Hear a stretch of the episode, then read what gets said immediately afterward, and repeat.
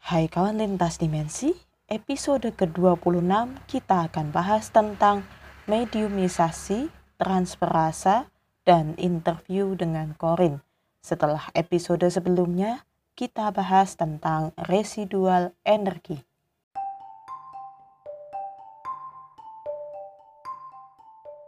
Bagi kawan lintas dimensi yang suka menontonnya di YouTube acara mengungkap misteri satu tempat misalnya itu kan di situ tuh pasti kita tidak asing kan dengan istilah namanya mediumisasi. Padahal ada cara lain selain mediumisasi yang bisa digunakan untuk uh, kita mengkorek ya informasi seputar misteri di tempat itu. Nah, apa saja itu? Yang pertama adalah interview dengan Korin dan yang kedua itu adalah transfer rasa. Tapi supaya kawan lintas dimensi tidak bingung ya, kita akan bahas seluruhnya di episode kali ini biar lebih jelas lagi. Jadi bisa membedakan ketiganya itu apa? Karena berbeda. Udah beda metode, beda pula uh, efeknya ya. Nah, begitu kawan lintas dimensi. Yuk, terus dengarkan podcast ini.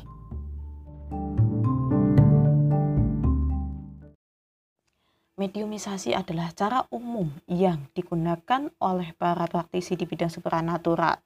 Nah, para mediator atau yang mau diisikan itu ya, itu orang yang sudah diseleksi dulu oleh para praktisinya. Meskipun semua orang bisa menjadi mediator, tetapi seorang praktisi supranatural itu akan mengungkapkan dulu begini efeknya ketika orang itu menjadi mediator. Jadi tidak sembarangan, kecuali memang kondisi yang tidak bisa dikendalikan alias mau nggak mau orangnya jadi mediator dadakan itu. Nah, tidak jarang juga para praktisi itu sendiri yang menjadi mediatornya dikarenakan sosok yang akan dimasukkan itu berbahaya atau mungkin untuk orang awam e, dikhawatirkan ya tidak sanggup untuk menghadapi itu. Nah, perlu kau lintas dimensi tahu bahwa melakukan mediumisasi itu tidak asal. Tidak asal seperti kita memasukkan air ke dalam gelas ya. Jadi langsung masuk gitu aja itu tidak seperti itu. Nah, ada dua yang biasa digunakan untuk mediumisasi dan dua dimaksud ini adalah makhluknya ya. Yang pertama adalah korin dan yang kedua adalah jin. Jadi kalau ada acara yang mengungkapkan kita akan berkomunikasi dengan arwah tetet. Salah. Tidak bisa dong kita memasukkan arwah. Ah, ini menjadi pelajaran penting bagi kawan lintas dimensi. Nah, itu juga harus jelas tujuannya. Maksudnya melakukan mediumisasi ini untuk apa? Jangan sampai tujuannya hanya untuk iseng karena efek ke belakangnya berbahaya sekali. Tidak bisa asal. Hmm. Selain itu, para praktisi boleh asal dalam memasukkan. Saya ingatkan sekali lagi, kalau dia adalah seorang praktisi, dia tidak akan asal melakukan. Kecuali itu sok-sokan jadi praktisi. I, itu dia. Nah, siapa yang akan dimasukkan dan makhluk ini berbahaya atau tidak, dia harus menyeleksi hal-hal semacam itu. Kenapa kok harus ada seleksi?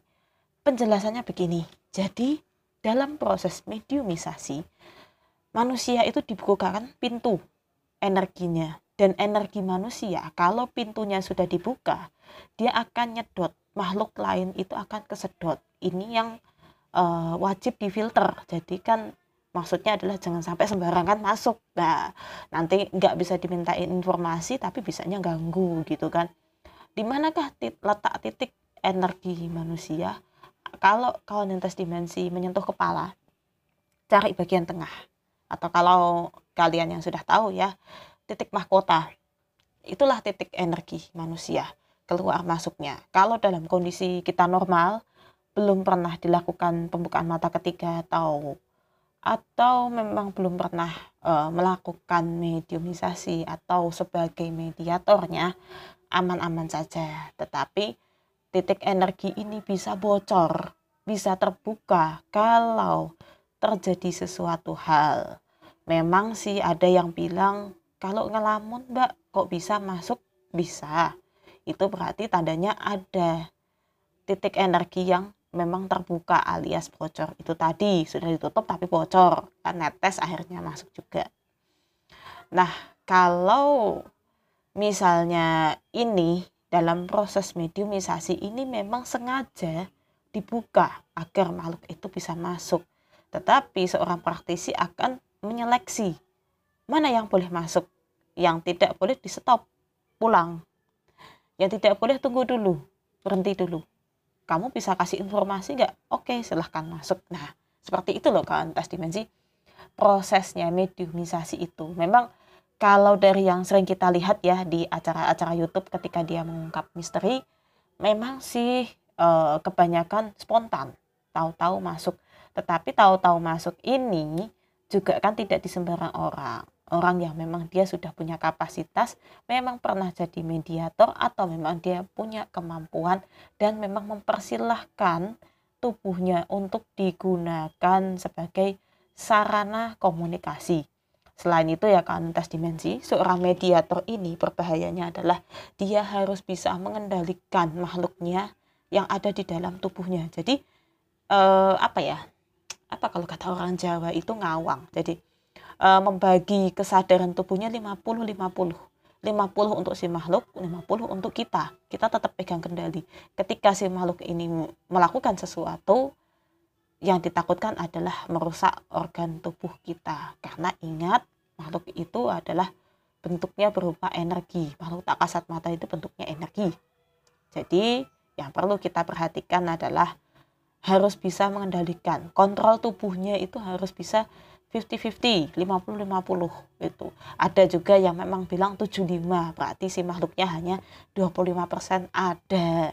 Jadi tidak bisa menggerakkan hanya sekedar berbicara dengan mulut. Ada. Ada yang memang 50-50, jadi bisa jalan. Tapi jalannya bukan jalan normal ya, jalan terhuyung. Dan media eh media sorry.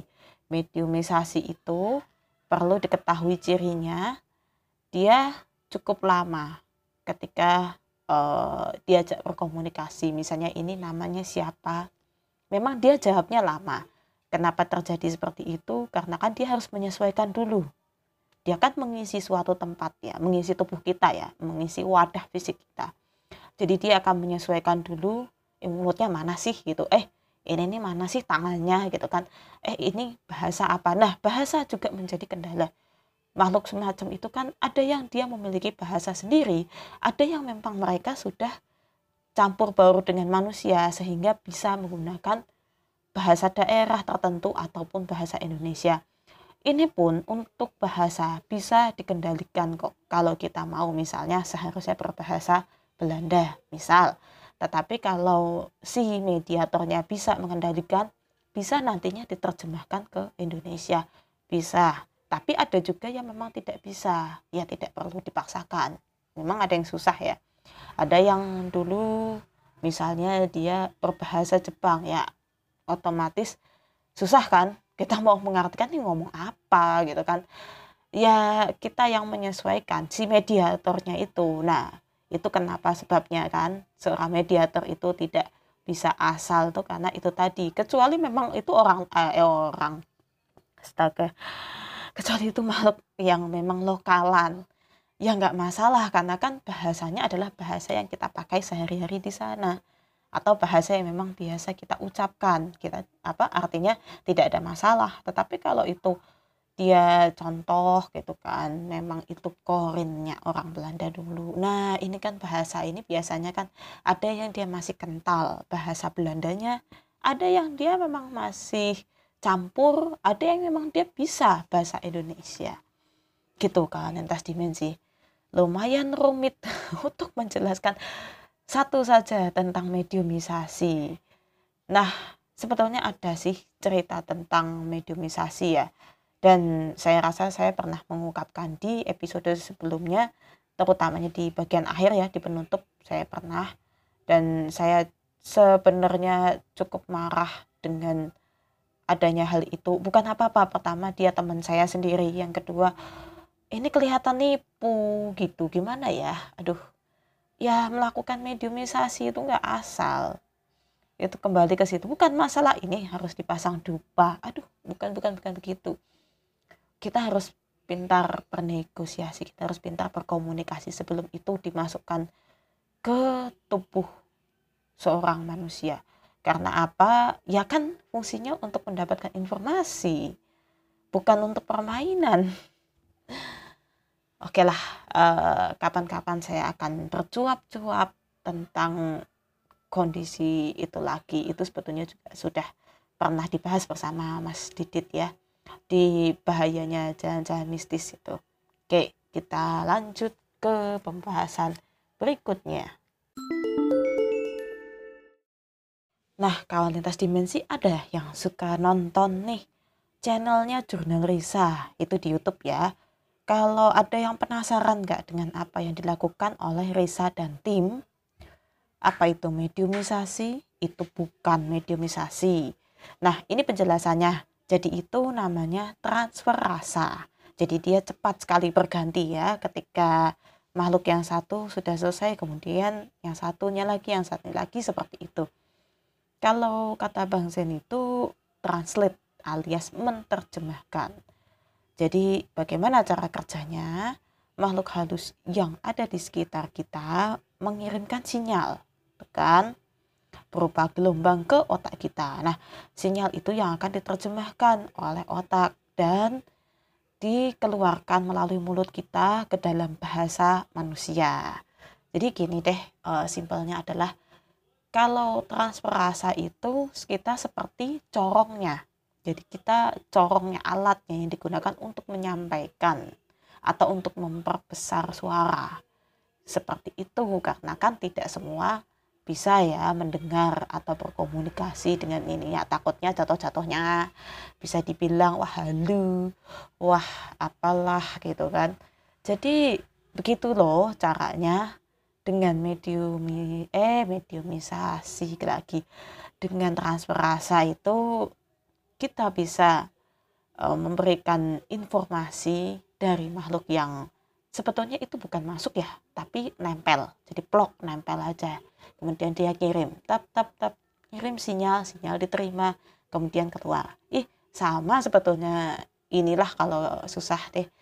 Kayak kita kirim SMS dari HP-nya si siapa terus kita kirim ke nomor ini nah seperti itu. Sinyalnya kan begitu kan ketika dia di udara itu kan berupa sinyal ketika sudah di, sampai di HP kita itu berupa pesan nah uh, ini ya transfer rasa itu sejujurnya lebih aman. Menurut Bang Zen juga begitu. Kalau saya melakukan itu saya belum pernah. Dan kenapa bisa dibilang lebih aman itu hanya menempelkan saja. Lagi pula energi kita tidak akan terkuras seperti mediumisasi. Karena kalau mediumisasi kenapa energi kita terkuras? Ya bayangkan saja satu tempat dua makhluk begitu. Itu kan sudah begitu kita harus ngunci makhluk yang yang ada di dalam ini yang mau dipakai buat komunikasi gitu. Kalau tidak kita kunci malah dia yang mengendalikan seutuhnya tubuh kita kan bahaya. Nah kalau transfer rasa ini enggak ya sudah hanya dari mulut aja. Dia kita bisa korek informasi dari si makhluk ini itu. Memang sih kalau dibilang seberapa cepat hitungan detik wah ya enggak juga sih. Ya tetap ada proses. Misalnya satu makhluk sudah nempel blok kemudian dia kan transfer rasa nih bla bla bla bla. Ya paling habis itu dia lepas dulu mungkin yang satu lagi. Itulah kenapa kan kalau ini menurut saya ya menurut saya Risa itu butuh uh, tim. Jadi seperti itu karena kan dia harus habis itu gantian terus ini. Habis itu siapa? Ini kayak gitu. Atau kalau penjelasan saya sekiranya terlalu muter-muter boleh kalian lintas dimensi nonton channelnya Mbah Mijen tentang pembahasan ini. Tentang transfer rasa tentang jurnal Risa yang dulu sempat heboh ya dianggap menipu begitu kan? Nah silahkan ditonton kalau penjelasan saya terlalu muter-muter gitu kan lintas dimensi. Oke kita lanjut. Yang ketiga ini semakin seru ya.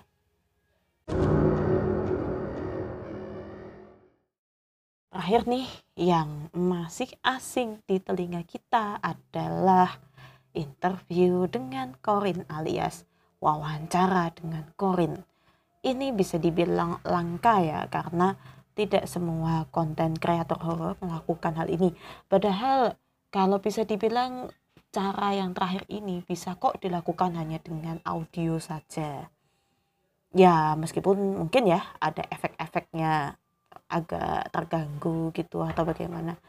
Wajar sih. Tapi ini lebih mudah saya rasa kalau dimasukkan hanya format video saja. Memang untuk melakukan cara yang terakhir ini bisa dibilang susah-susah gampang. Nah, saya mengamati ya dari beberapa itu, kalaupun misalnya dia memang ingin interview dengan Korin ya, gimana ya? Eh, saya bilang nggak perlu susah-susah sih. Misalnya, apakah dia harus wah disediakan sesajen, ini misal ya, ataukah harus dinyalakan dupa setiap praktisi saya rasa punya caranya masing-masing bahkan mungkin cukup dengan pembuka uh, bagi yang muslim ya cukup dengan pembuka cukup dengan basmalah. Bismillahirrahmanirrahim. Itu bisa. Jadi ya tidak bisa disamakan untuk melakukan cara ini. Dan itu tadi kenapa saya bilang susah-susah gampang? Kadang kan memang bisa sih manggil. Terkadang juga memang nggak bisa karena tentu dia akan bertanya dulu ini untuk apa? Begitu. Apakah ini untuk ya maksudnya untuk mengganggu ini ini korin ya. Jadi kan dia sendiri kan masih memiliki kehidupan juga itu. Yang ditakutkan tentunya akan terus kalau saya memberikan informasi ini begitu. Apakah nanti akan terjadi sesuatu? Nah itu tadi. Dan menurut saya ada satu contoh di sebuah channel YouTube. Silahkan kawan tas dimensi buka namanya Supernatural Investigator. Di sana ada uh, salah satu video ya, saya pernah nonton dari awal sampai dengan akhir bagaimana dia interview dengan korenya Sir Thomas Stamford Raffles. Itu ada kan bisa dilihat apakah terus akan terasa wah gitu kan ada sesuatu yang wah namanya ini ya enggak biasa saja dan yang waktu itu siapa namanya ya? Nyikan tuh siapa yang melakukan uh, komunikasi itu ya? Ya tidak terjadi apa-apa dan jawabannya pun ya simpel-simpel aja. Apakah melakukan ini iya karena ini atau tidak karena ini? Ya sudah jawabannya hanya seperti itu. Jadi tidak bisa panjang gitu. Ya namanya kita ini kan sebagai apa ya penyambung jembatan gitu dan kita dengan mereka itu berbeda itu yang perlu kita tahu ya. Dengan metode apa pun yang termasuk yang dua tadi mediumisasi maupun transfer rasa artinya adalah kita tidak bisa dong terus eh, apa mengajak si makhluk ini untuk ngomongnya lancar. Waduh itu nggak bisa. Itu harus apa ya uh, ada penyesuaian gitu kan. Ada loading gitu. Ya wajar. Karena kan ada perbedaan gitu antara kita yang manusia dengan mereka yang makhluk yang tak kasat mata itu kan. Atau bisa juga ada perbedaan di mana soal bahasa gitu. Misalnya dia tidak paham. Nah makanya kan loadingnya lama. Itu yang bikin lama adalah harus ini terjemahannya apa? Oh dia paham balikan. Ini terjemahannya apa? Oh dia balikan ke berupa jawaban. Oh prosesnya itu kawan lintas dimensi. Oke sebelum menutup uh, kembali saya akan menyampaikan aduh saya tuh kok pengen marah tapi hmm ya sudah saya kembali cerita seperti yang di episode sebelumnya ya dan sekaligus untuk peringatan bagi kawan tas dimensi. Oke tunggu sebentar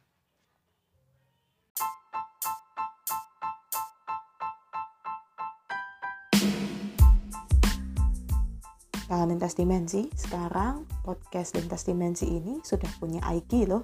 Yuk di follow dan pantengin terus setiap fitnya ya, termasuk storynya dan kita akan update tentang apa saja yang sudah pernah dibahas di podcast lintas dimensi ini ya. lintas dimensi perlu saya ingatkan kembali ya bahwa yang namanya mediumisasi, transfer rasa maupun interview dengan Korin hanya bisa dilakukan oleh orang yang profesional. Artinya kalau yang baru-baru pengen nyoba, mending nggak usah gitu kan. Karena apa? E, ini bukan hanya sekedar pemanggilan, ini bukan hanya sekedar mengorek informasi, tetapi ada hal lain yang perlu diperhatikan. Begitu ya kontes dimensi ya. Nah, untuk kembali lagi mengenai orang-orang yang bikin konten horor, jadi saya pernah menunjukkan sebuah video yang kembali ya saya ulas saya pernah mengulas juga di episode sebelumnya bahwa di video itu orang ini mengatakan ingin memanggil sosok tokoh yang terkenal ya tentu korinnya lah gitu kan.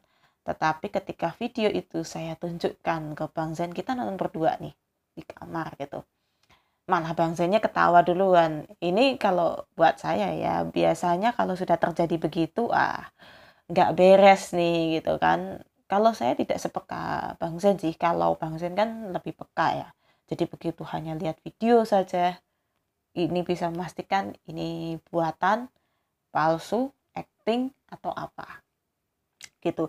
Jadi di video itu sebetulnya mungkin dia ingin menunjukkan mediumisasi ya dan hanya ya gimana lu uh, sewajarnya orang mediumisasi gitu. Mungkin dengan menyalakan dupa atau apa. Hmm, saya tidak mempermasalahkan metodenya. Mau nyalin buat nyamuk juga boleh. Aduh karena banyak nyamuk ya. Bukan bukan bukan gitu. E, mau menyalakan dupa boleh. Kalau metode Bang Zen sendiri ya langsung ya mungkin membaca basmalah saya juga sama saya mengikut cara Bang Zen juga gitu kan. Tapi biasanya sih kalau saya spontan gitu jadi terkadang tahu-tahu nongol aja gitu kayak ada uh, gelombang yang lewat gitu aja saya tangkap gitu. Kalau saya di situ kalau bang Zen diniatkan saya kok belum pernah lihat ya. Meskipun beberapa kali saya perhatikan terkadang dia pun spontan juga gitu berbicara semacam itu. Oke kembali lagi. Nah konten-konten yang semacam inilah sampai kalau ditonton sama Bang Sen sampai tertawa itu wah luar biasa. Kalau kita mau uh, membuat konten horor tolong deh usahakan jangan ada acting-acting di situ. Bukan apa-apa. Itu akan mudah dibongkar dibandingkan dengan yang memang apa ya memang asli itu orang mau ngebongkar itu kan susah. Iya gimana lagi ya? Kalau kita kan tahu ya orang Indonesia tuh suka acting banget gitu ya. Ya dengan hanya demi penonton gitu mereka akan melakukan acting apalah untuk memancing penonton tuh datang. Tapi saya sebetulnya sih ingin marah dengan video itu. Apalagi saya sangat kenal pelakunya gitu ya. Ya gimana? Eh, nggak uh, ada edukasinya sama sekali. Kalau dia memang mau begitu ya sebaiknya memang memang benar ya pengen uh, per acting gitu. Kalau menurut saya sebaiknya pelajari benar dong. Seperti apa sih orang tuh kalau mediumisasi seperti apa sih ketika mediator tuh diajak berbicara gitu kan? Jadi jangan sampai terkesan asal kalau kita mau acting ya. Jadi kalau kata orang kalau sudah nyelup nyelup aja sekalian gitu. Jangan separuh jangan seperempat gitu kan? Jadi acting totalitas dong gitu. Ya kalau kayak pemain sinetron kan begitu acting totalitas. Nangis nangis dibikin nangis beneran gitu kan? Oke kalau di video itu kelihatan banget sih. Yang kelihatan tuh begini. Pertama dari logat. Dan Bang Zen sendiri kebetulan yang beritahu sama saya. Kalau yang dipanggil itu dia lahir anggaplah dia lahir di tahun 90-an di mana kita tahu ya bahasa Indonesia belum begitu sempurna. Uh, eh sorry 950 ya 1950 dan masih banyak campuran-campuran bahasa Belanda. Meskipun sekarang masih ada juga ya tapi sudah di bahasa Indonesia kan. Dan itu kita nggak bisa dong. Terus apa ketika mediumisasi kita kalau kita menamakan itu mediumisasi ya terus kita bilang oh, apa bahasanya itu seperti bahasa zaman sekarang gitu. Kan aneh gitu. Terus kita mau bergilah apa? Kok bahasanya masa kini banget gitu. Gimana ya? Aduh acting tapi parah gitu ya. Oke itu yang pertama yang ditemukan sama Bang Sen nah yang kedua kembali ke soal logat. Sama seperti maaf ya saya menyebut suku. Jadi kalau orang Jawa itu kan ada ketika berbicara tuh logatnya itu itu sudah membentuk sendiri. Meskipun kita berusaha untuk berbicara bahasa Indonesia. Saya berusaha untuk berbicara bahasa Indonesia tetapi eh, logat itu tidak bisa saya tipu. Pasti ada masuk meskipun keselip dikit saja itu ada. Nah nah kalau yang diperhatikan di video kalau memang dia ini ya maksudnya um, salah satu suku tertentu kemudian dia tinggalnya di mana gitu kan artinya itu kebiasaan berbahasa Korin ini kan meniru. Dan kemudian ada lagi uh, dialek belum lagi cara dia pengucapan ah ini kan harus diperhatikan tuh. Bahkan yang namanya uh, bukan bahasa ya saya sih lebih menyebutnya mungkin itu dialek ya antara dialeknya Hokian Semarang gitu kan. Jadi di Semarang itu karena ada uh, banyak orang Chinese kan. Jadi di situ ada dialek Hokian gitu kan. Dengan dialek Hokiannya Medan pasti akan berbeda jauh gitu. Ini ini contoh aja gitu. Contohnya sih seperti itu. Berarti artinya kita kan harus menyesuaikan. Dan sudah begitu kan orang-orang pendatang macam begini ini kan anggaplah mereka uh, ini orang pendatang ya. Ataupun memang dia lahir di Hindia Belanda di Indonesia saat itu pastikan bahasanya akan mengikuti di mana tempat dia tinggal.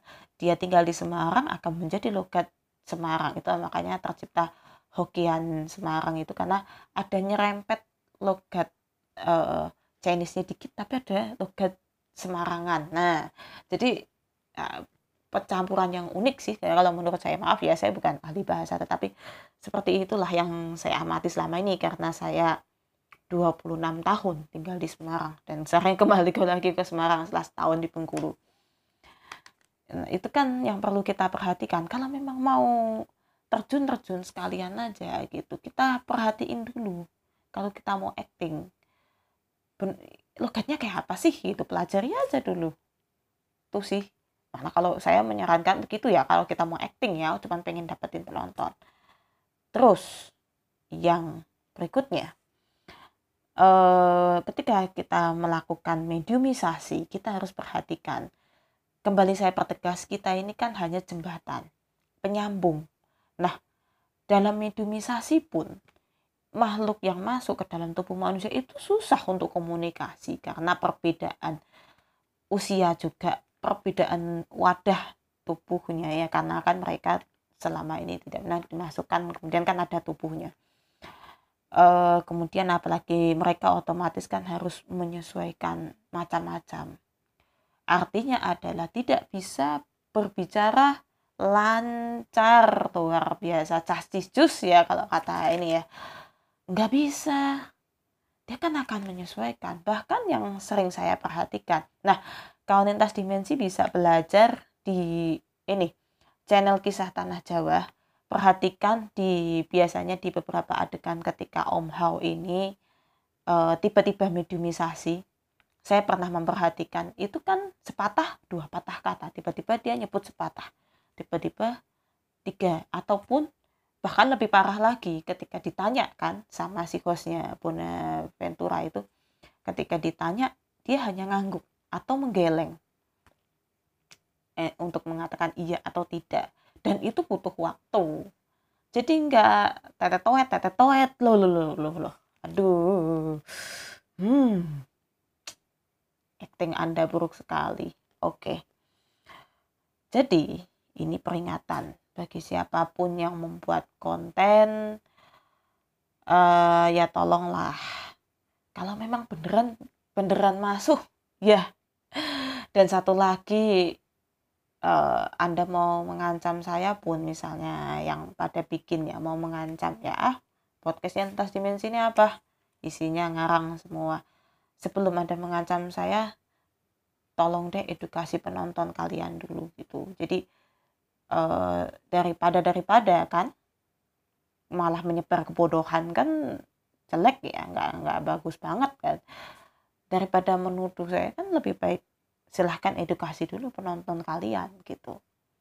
Pendengar saya tuh siapalah gitu kan. Paling ya berapalah orang yang benar-benar menyukai edukasi seputar dunia supranatural. Kan mereka lebih suka sesuatu yang menyeramkan sesuatu yang uh, fantastis yang ada penampakan yang mediumisasi yang heboh.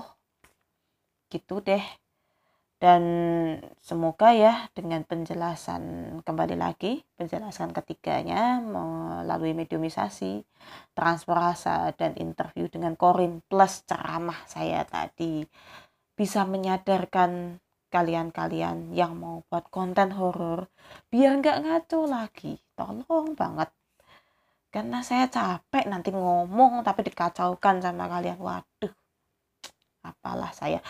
Kalau uh, maaf ya kalau makhluk yang seperti jin atau korin mereka tidak akan protes. Mereka diam. Tetapi ya efek loh. Kita secara tidak langsung menyebarkan sebuah kebohongan ke publik atau e, secara tidak langsung menyebarkan informasi yang kurang tepat.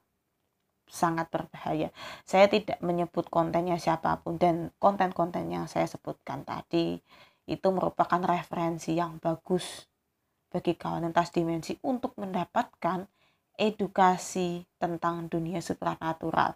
Jadi, sebelum saya menutup podcast ini, kalau kalian yang suka hmm, nonton YouTube, tuh kan, atau dengarkan podcast, silahkan pertama kalian bisa dengarkan. Kalau podcast ada kisah tanah Jawa, ada YouTube kisah tanah Jawa. Saya rasa itu bukan ini ya uh, judul yang asing. Dan kalian juga sudah pastinya kenal dengan sosok Om Hao ini gitu kan dan orang-orang di dalamnya termasuk hostnya juga. Silahkan tonton itu. Itu menurut saya adalah channel yang bukan hanya menyajikan konten horor tapi mengedukasi. Dan yang kedua kalian mau nonton jurnal Risa it's okay gitu. Nggak masalah. Dan itu ada hiburannya juga sih menurut saya ya yang pernah nonton beberapa kali. Tapi bagus juga penjelasannya si Risa ini. Dan yang ketiga saya pernah nonton tapi sekilas itu yang DMS dari Misteri Sarah. Tapi aduh sayangnya saya kok nggak nonton sampai terakhir ya karena mungkin terlalu panjang kan. Boleh juga sih ini ditonton gitu kan. Tapi saya belum berani memberikan reviewnya seperti apa. Tapi saya rasa yang ini pun tidak ngaco gitu. Jadi yang saya contohkan kembali lagi yang saya sebutkan itu adalah uh, podcast maupun YouTube yang memang baik untuk edukasi di bidang dunia supranatural. Dan yang terakhir tentu kalian tahu siapa lagi kalau bukan YouTube-nya Mbah Mijan. Silahkan ditonton. Wah itu isinya daging semua itu bisa menjelaskan fenomena-fenomena dunia supranatural karena memang paranormal asli apalah saya ya yang hanya sering dapat info melalui Bang Z. Dan beberapa mengambil dari sumber-sumber lain ya. Begitu kawan lintas dimensi semoga semuanya tercerahkan. Dan salam